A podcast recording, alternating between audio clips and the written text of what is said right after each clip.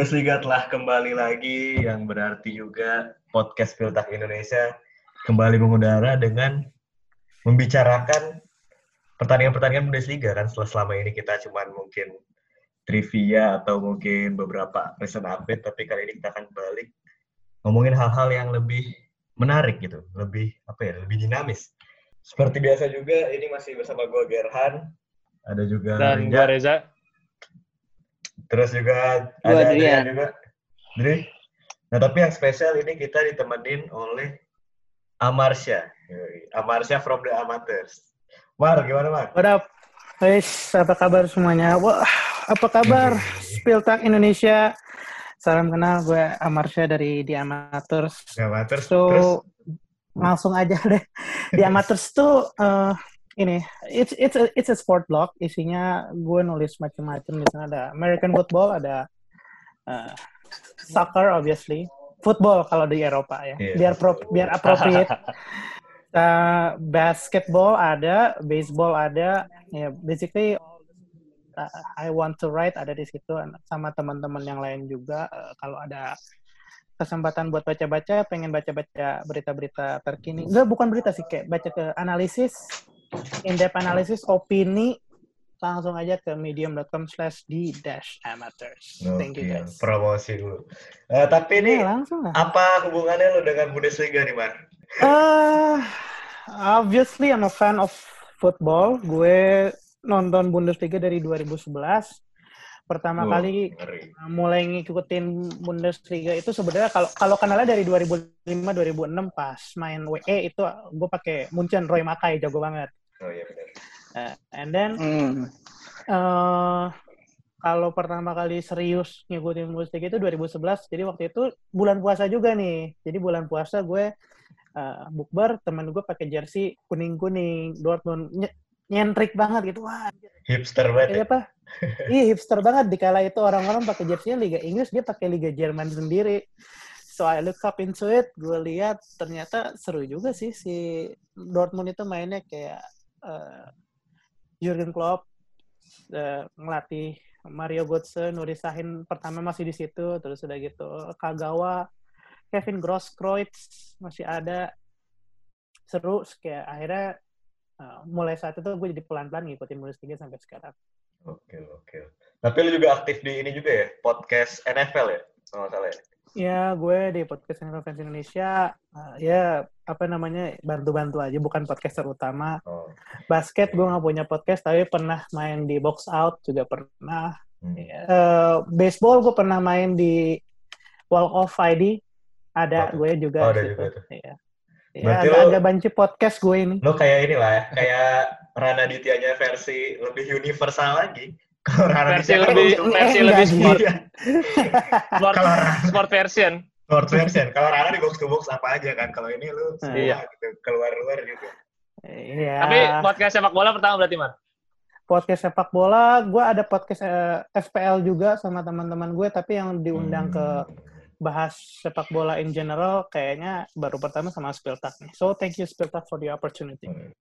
Sama-sama sama. Nah, eh, karena tadi udah nyebutin tentang Dortmund juga, mungkin kita langsung masuk aja ke pertandingan pertama di matchday ke-26 kemarin yang tentunya dibuka dengan Revier Derby nih. Derby antara Dortmund lawan Schalke yang dimenangkan oleh Dortmund 4-0. Nah ini di the new normal ini nih, dengan kondisi yang serba baru lah bisa dibilang, walaupun secara permainan nggak nggak baru ya, cuman beberapa banyak yang berubah kan. Gimana nih kemarin? Perasaannya menonton lagi gitu kan? Eh, ya karena mungkin exposure-nya gede banget ya dari seluruh dunia nggak hanya di Jerman. Kayaknya pas aja rasanya untuk ngelihat derby Dortmund sama Schalke jadi apa ya jadi pusat sorotan lah gitu. Apalagi performa Dortmund wah luar biasa lah gue kangen banget nontonnya sumpah Nah itu Schalke apalagi yang tai menang sih. lawan Schalke yang tai. iya. Iya.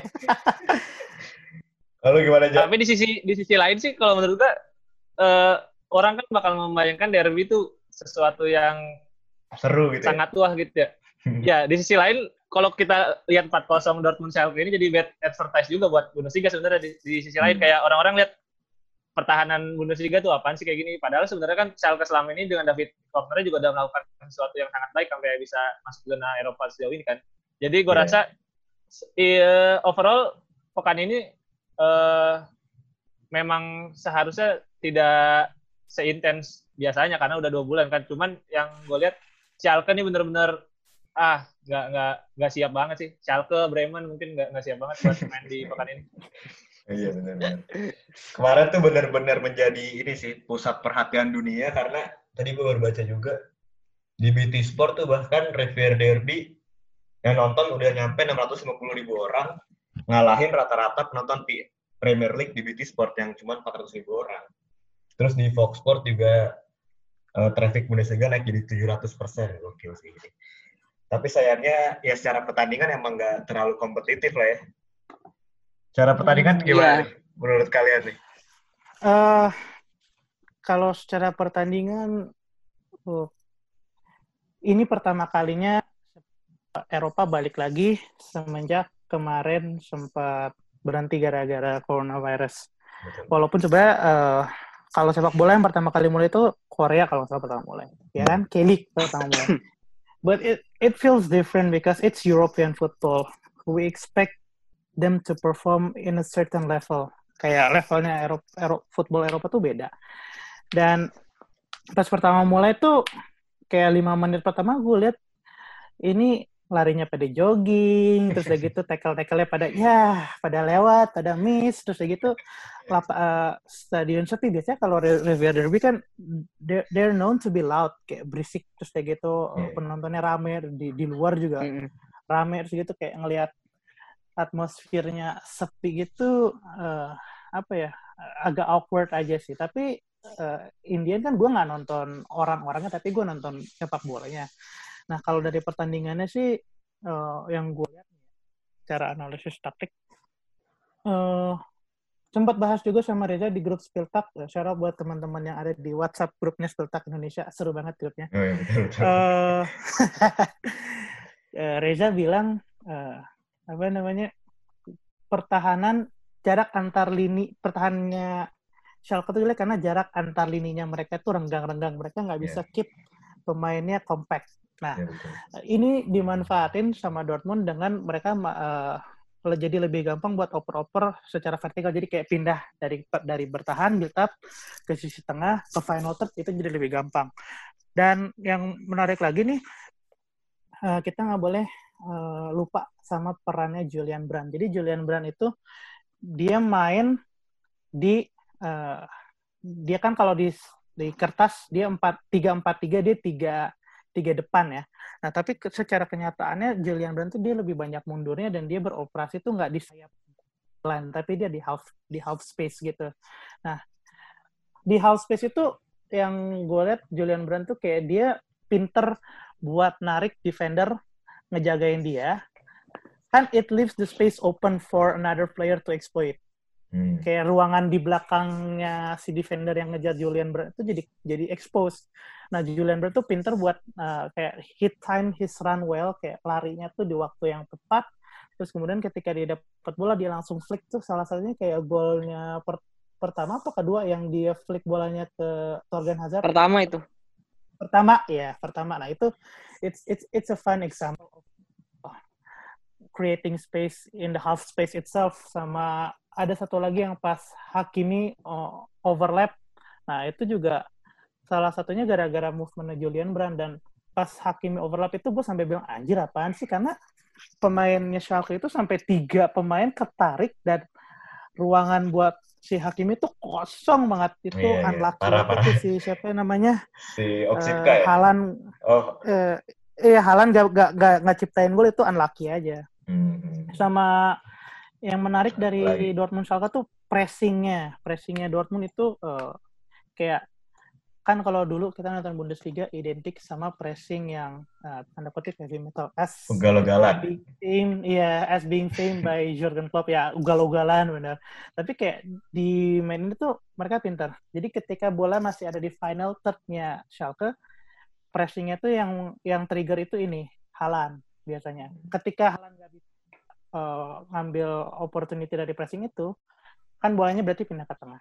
Ketika bolanya sudah pindah ke tengah, Dortmund itu main dengan strategi 5-4-1. Backnya jadi yang sayap-sayapnya pada mundur uh, sampai akhirnya uh, Halan jadi ujung tombak.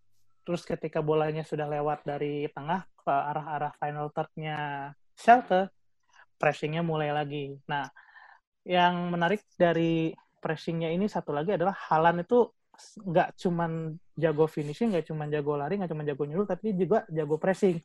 Yeah. Golnya Rafael Guerrero yang pertama itu hasil dari uh, pressingnya Halan yang dia uh, covering, uh, dia jaga passing lane-nya kipernya si Schalke sampai akhirnya Schubert. dia make an error, ya Schubert make an error, terus kayak gitu uh, kosong buat Rafael Guerrero dan gol. Jadi kayak sebenarnya kalau ngelihat Dortmund mainnya kayak gini sih, they are very well adapting to the new normal.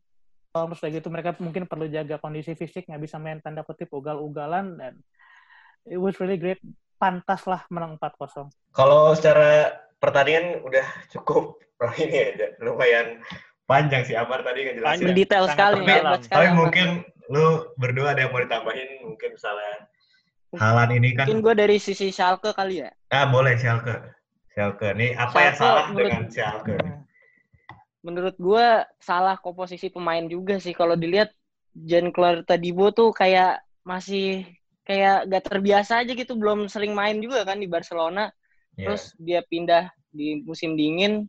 Eh gak lama kan pandemi corona jadi nggak main banyak kelihatan juga di situ dia uh, kesulitan untuk ibaratnya jaga ritme sama Nastasit sama Sane nah kalau kedua tuh ya kipernya sih ini waduh ini parah sih Marcus Schubert kayak gugup terus ternyata juga jelek ya.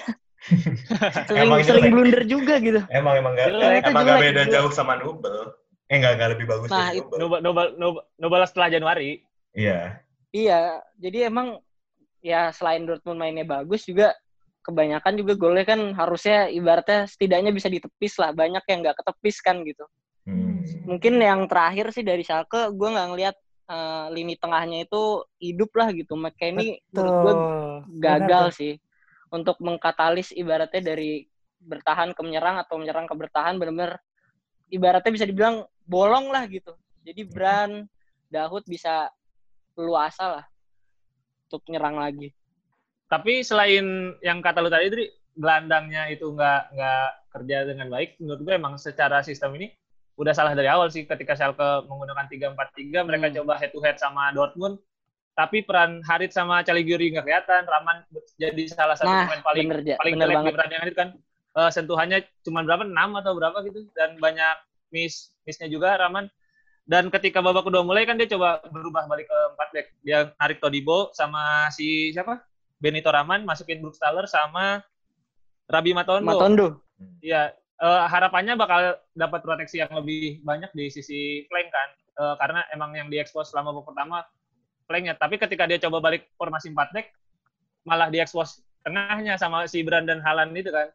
Yeah. Jadi gue rasa uh, Schalke udah salah dari awal dan dia nggak tahu harus ngapain lagi ketika akhirnya si Dortmund bisa cetak gol dengan cepat di babak pertama sih. Hmm. Jadi emang masalah Schalke dari dulu itu itu aja ya sebenarnya. Nggak punya gelandang yang jangkar yang bagus sih menurut gue. Sebenarnya kan waktu itu udah sempat ada Leon Goretzka. Nah iya, sama ya. waktu waktu Goretzka main tuh bagus sama Max Meyer ya kan. Iya. Cuman Max ya... Meyer out ke mana? Goretzka sekarang di ya Uh, paling kalau dari Dortmund Schalke udah tambah lagi soalnya udah cukup. Ya cukup lah. Cukup, cukup. cukup. Lanjut kita ke pertandingan selanjutnya ada Eintracht Frankfurt melawan Gladbach yang dimenangkan oleh Gladbach 3-1. Ini, ini yang pelatihnya gue sembah sujud, gue puja-puja ini pelatihnya. Iya, iya benar. Marco Rose. sama, sama siapa? asisten pelatihnya si Rene Marik. Marik. Iya. Ini buat teman-teman Bundesliga nih yang biasa ikutin Bundesliga harusnya sih pada tahu Spiel Verlagerung ya. Hmm. Itu hmm. ibarat kata kitab sucinya sepak bola Jerman lah kayak lu kalau mau belajar bola belajar dari pandit Jerman belajar yang pokoknya uh, German based uh, soccer ya acuan lu tuh blok itu Spielverlagerung dan beberapa apa namanya uh, orang-orangnya founder-foundernya udah jadi coach di mana si Adin jadi dia kerja di US terus ya Rene sekarang jadi asisten coachnya Marco Rose dan Marco wah Rose. keren sih. Nah, ini si Gladbach juga eh menurut gue juga nggak berubah sih dari apa yang udah di sebelum pandemi kemarin masih tetap bermain bagus juga Frankfurt juga Hmm. mainnya masih hancur. Eh menurut lu gimana aja? Secara mungkin taktikal ini kan lu sangat memuja-muja trio lini depannya Gladbach nih. Embolo, Turam, Thuram, dan Turam Plea. Ya. Dan sebelum pertandingan juga gue udah diskusiin di WA group kalau emang eh, Embolo tuh bukan bermain sebagai target man lah itu kan bukan sebagai tuan utamanya karena final ball selalu akhir-akhirnya tuh ke Plea dan Turam. Nah ini gimana ya? Sebenarnya pertandingan Gladbach tuh jadi anomali sendiri di pertandingan kemarin. Eh di Spieltag kemarin karena dari 9 pertandingan cuma ada tiga gol yang dicetak di 25 menit pertama dan duanya itu di pertandingan ini. Eh ini membuktikan kalau emang si Marco Rose ini dan semua pemain Gladbach kayaknya lebih lebih siap dibanding 17 tim lain lah untuk untuk memulai kembali Spieltag di pekan 26. berapa 26 kemarin ya? 26. iya 26 Iya. Dan salah satu yang kelihatan nggak nurunin kecepatannya tuh si trio sekali lagi Alessandro Plea, Marcus Thuram sama Brello Molo. Jadi kalau lu lihat di skemanya kan sebenarnya tiga itu yang paling depan Embolo. Cuman kalau kita udah lihat di pertandingan benar-benar cair dan itu siapa yang narik lawan, siapa yang masuk dari kanan dan kiri itu nggak nggak nggak bisa ditebak dan gua rasa kemarin si Frankfurt juga pertahanannya eh belum belum Caur ya? belum Caur, ya, caur. di, Lagi di belakang lagi-lagi yang jadi apa ya? Jadi tontonan tuh yang defense-nya kayak gini gitu Schalke terus Frankfurt defense-nya kayak gini.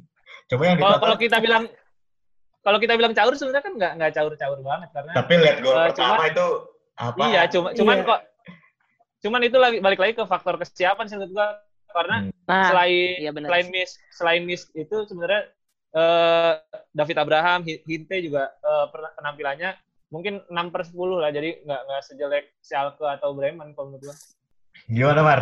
Mungkin secara Wah. statistik atau lu punya catatan tersendiri yang udah lu catat ya kan? Uh, so, uh, there's this interesting number that gue lihat dari mana namanya Understat. Jadi uh, XG-nya uh, apa expected goal dari uh, Gladbach itu di Spieltag 26 itu yang paling gede kedua Setelah setelah eh, eh, eh yang paling gede sama dengan Hoffenheim ya. Nanti kita bahas kali ya Hoffenheim. Iya ya. boleh boleh. Tapi ya angkanya kira-kira di 2,7 apa ya berarti eh, emang da- daya gedornya dari awal nggak ya apa namanya nggak hilang lah gitu. Hmm. Terus itu eh, benar kata Reza tadi eh, Gladbach itu kalau main fleksibel. Kayak gue nonton highlight sama gue baca-baca beberapa review ya. Salah satu yang identik sama Marco Rose itu Marco Rose itu dia suka banget bikin passing-passing triangles. Jadi kayak mem- dia menginstruksikan pemainnya untuk eh, mengisi posisi-posisi sedemikian sedemikian rupa sampai akhirnya bisa tercipta passing triangles. Jadi kayak bolanya tuh bisa ngalir dengan cepat terutama di bagian tengah. Marco Rose suka banget mengeksploitasi bagian tengah lapangan dan juga di sisi-sisi half space di bagian pinggir di line dia ya cukup didukung dengan eh, back-back sayap. Satu lagi poin yang cukup menarik ini kalau lihat dari review ya, Gladbach itu eh, suka juga memanfaatkan yang namanya half space. Balik lagi half space lagi. Iya. Gol kedua itu dia datangnya build up dari half space dan spesifik half space sebelah kanannya Gladbach yang biasa diisi sama sama Matthias Ginter. Eh, jadi kayaknya Marco Rose Gladbach itu eh, pede sama kemampuan distribusi bolanya Matthias Ginter. Jadi untuk serangan selalu mulai dari half space kanan, eh, nanti dari kanan itu entah dia lambungkan ke depan kayak gol kedua, nah, terus kan crossing tuh untuk gol si Marcus Thuram atau ya nanti dari situ oper-oper ke tengah dibantu sama Florian Neuhaus gitu-gitu. Eh, overall gue lihat uh, there's nothing change about Gladbach being one of the best team in Bundesliga. Oke. Uh, walaupun gue agak-agak pahit mengakuinya karena rival, rival. Tapi karena ya they deserve it gitu loh. Iya, I iya. give credits when it's due. Uh, mereka keren banget. So ya iya. uh, Menurut pantas lah menang.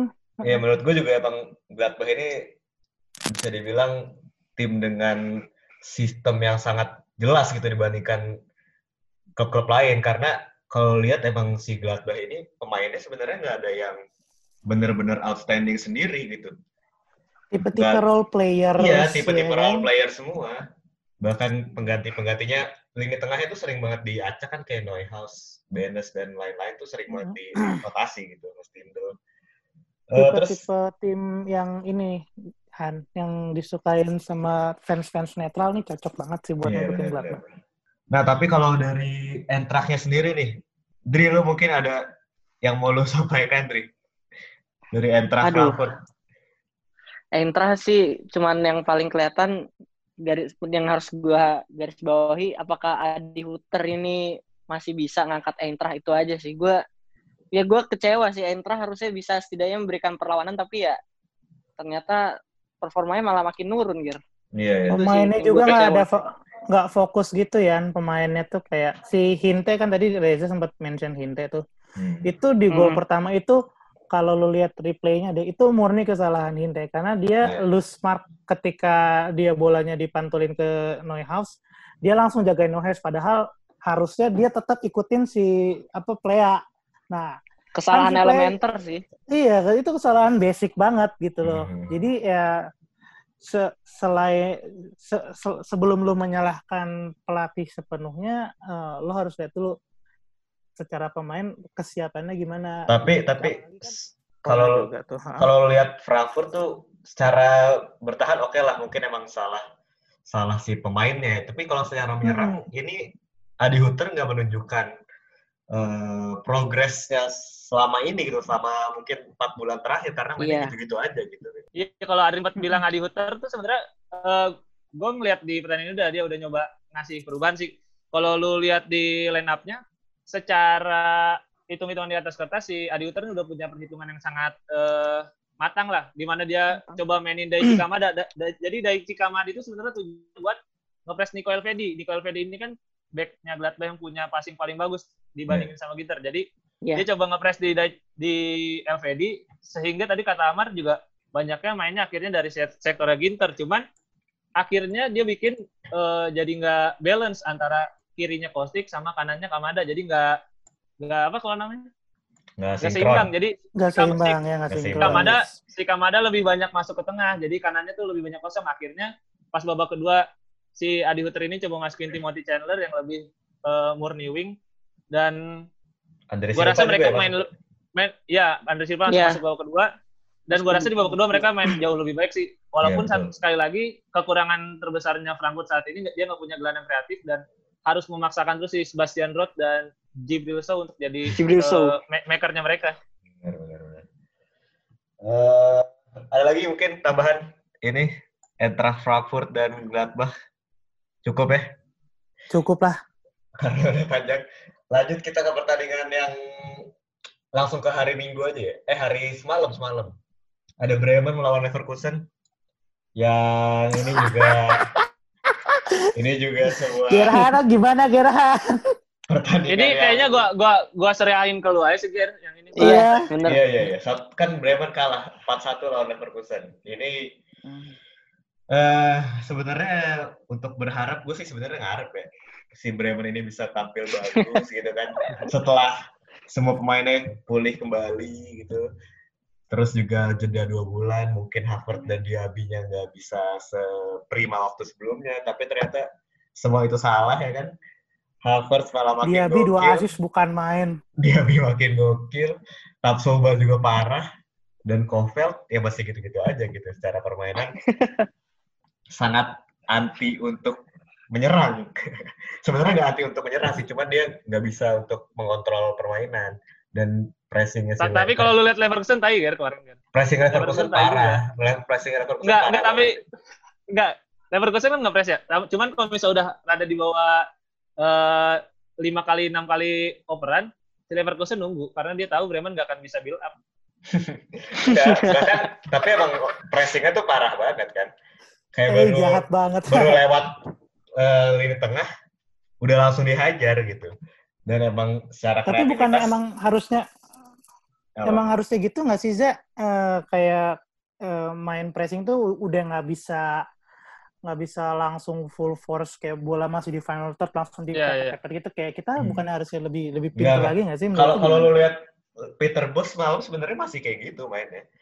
Pressingnya tuh ta- parah. ta- tapi zo- zonanya aja sih kalau kemarin zonanya dia kalau udah masuk kalau hilang bolanya di depan dia nggak akan langsung diuber kemarin. Jadi dia kalau hilang bolanya di tengah emang langsung bakal di press cuman kalau misalnya emang hilang bola di depan dia lebih milih balik lagi strukturnya dibenerin dulu karena dia tahu sih Bremen ditunggu juga nggak akan bisa ngehasilin peluang dan Nah iya, ka- nggak karena ada kan.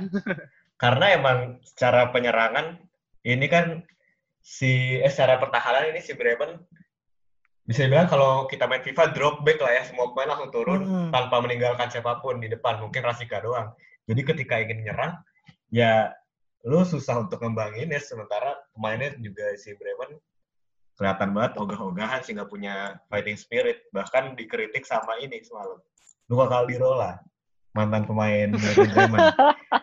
Dia dia nge-tweet gini gue mungkin gak, nggak selalu bermain bagus tapi seenggaknya gue punya daya juang dibandingkan pemain-pemain ini gitu. Dia bilang gitu di Twitter.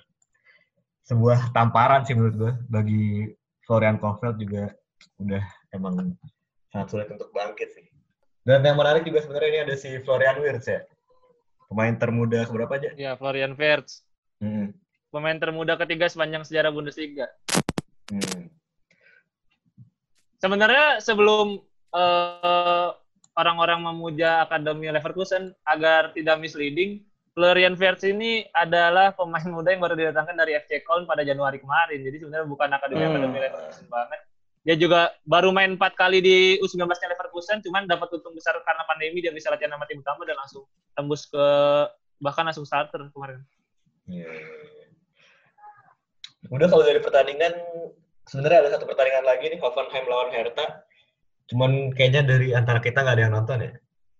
Enggak, gue nggak nonton. Cuma- Cuman seben- angkanya unik aja sih. iya, cuma sebenarnya menarik. gua- Gimana, Mar?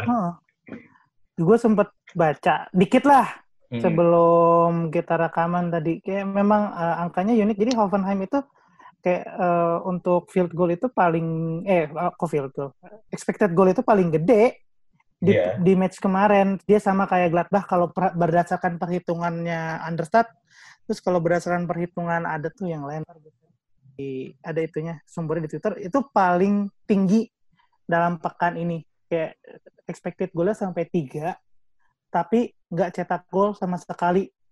Dan beda banget ceritanya sama eh, Gladbach yang expected expected goalnya hampir tiga tapi mereka cetak gol tiga. Hmm. lebih dari expected goal. Jadi kayak ini it speaks numbers it speaks values bahwa Hoffenheim is not good enough in converting goals kayak kalau lihat lagi di chart mapnya Understat itu mereka ada lima tembakan lima peluang di dalam kotak penalti yang nilainya itu lebih besar daripada 0,35 xg 0,35 tuh gede loh Iya, iya. sekitar 35 persen tembakan lo kalau diambil dari posisi itu lo akan masuk That's huge. dan nggak ada yang masuk sama sekali. Jadi kayak ini harus jadi PR buat Hoffenheim nih. How to how to finish in front of the goal gitu aja sih Iya, iya. paling. PR dari PR untuk Srodiola ya, dia. Iya. Sergio. Tapi yang menarik sebenarnya ini kan Berlin itu kalau nggak salah expected goals itu setengahnya dari Hoffenheim ya kan. Tapi Iya. justru dia bisa cetak tiga gol. Nah ini Hmm.